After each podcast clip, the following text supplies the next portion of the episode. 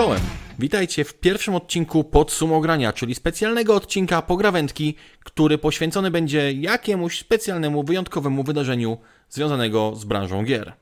Ten odcinek powstał z powodu pogłosek na temat rzekomych zmian w potencjalnej polityce wydawniczej Xboxa. Zapraszam! Jak zwykle w przypadku plotek i przecieków ciężko jest ustalić skąd one się na początku wzięły, natomiast wydaje mi się, że mogło to zostać zapoczątkowane przez artykuł na TheVerge.com. To właśnie w tym artykule źródła, które mają być zaznajomione z planem wydawniczym Bethesdy, doniosły, że Indiana Jones and the Great Circle, czyli tytuł, który dopiero co został zapowiedziany na Xbox Developer Direct w zeszłym miesiącu, miałby pojawić się nie tylko na Xboxach i PC-tach, ale także na PlayStation 5. Rzekomo nowe podejście Microsoftu miałoby uwzględniać również właśnie konsole konkurencji Sony, ale również i Nintendo, czyli Nintendo Switcha, w planie wydawniczym w przyszłych gier. Indiana Jones miałby być pierwszym ekskluzywem Xboxowym, który pojawiłby się e, na PlayStation 5. Najprawdopodobniejsza wersja byłaby taka, że gra miałaby się pojawić w pierwszej kolejności właśnie na Xboxach i PC-tach, a po krótkim okresie ekskluzywności trafić właśnie na konsole niebieskich. Czy tak będzie, czy nie, to się jeszcze okaże. Na razie to są tylko pogłoski i plotki. Natomiast w internecie krążą również informacje, że to nie byłby jedyny tytuł z Xboxa, który miałby pojawić się na PlayStation. Mówi się m.in. o Sea of Thieves oraz Hi-Fi Rush. W przypadku Hi-Fi Rush zwłaszcza byłoby to ciekawe, ponieważ dataminerzy, czyli osoby, które w swoim wolnym, własnym, prywatnym czasie grzebią w plikach gier, odnaleźli nieużywane asety, czyli w tym przypadku akurat chodzi o koszulki dla Chaya, głównego bohatera gry, które miałyby sugerować, że gra ma pojawić się także właśnie na PlayStation 5 i Nintendo Switch.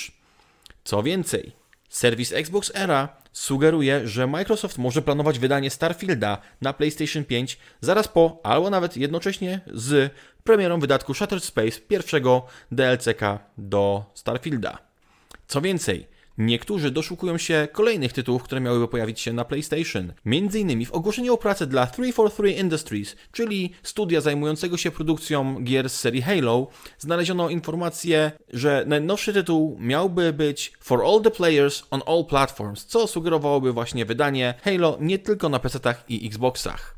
Są to jednak, jak dotąd, tylko i wyłącznie pogłoski i plotki. Natomiast są to pogłoski i plotki na tyle głośne i chodliwe, że wymusiły one na Xboxie oficjalne stanowisko. Wprawdzie Phil Spencer, czyli CEO Xboxa oraz głowa e- Microsoft Gaming, nie potwierdził ani nie zaprzeczył tym pogłoskom, natomiast zapowiedział, że planują w najbliższym czasie zorganizować wydarzenie, w którym biznesowa przyszłość Xboxa zostanie szerzej przedstawiona. Najprawdopodobniej właśnie wtedy dowiemy się, na ile te plotki były prawdziwe i czy jest się czym ekscytować albo smucić. Jak można się było spodziewać, te plotki i pogłoski wywołały bardzo silną reakcję zarówno graczy Xboxowych, jak, jak i graczy PlayStation. Ile w tym jest prawdy, dowiemy się dopiero w przyszłości. To był pierwszy odcinek podsumogrania, czyli specjalnego odcinka podcastu Pograwędka, na którym omawiam wyjątkowe sytuacje, które dzieją się w branży gier. Dajcie znać, czy taka forma odcinka specjalnego Wam pasuje. W komentarzach możecie napisać, czy podoba Wam się taka forma specjalnego odcinka organizowanego raz na jakiś czas przy specjalnych okazjach. Jeżeli macie jakieś uwagi bądź komentarze, dajcie znać. Na razie!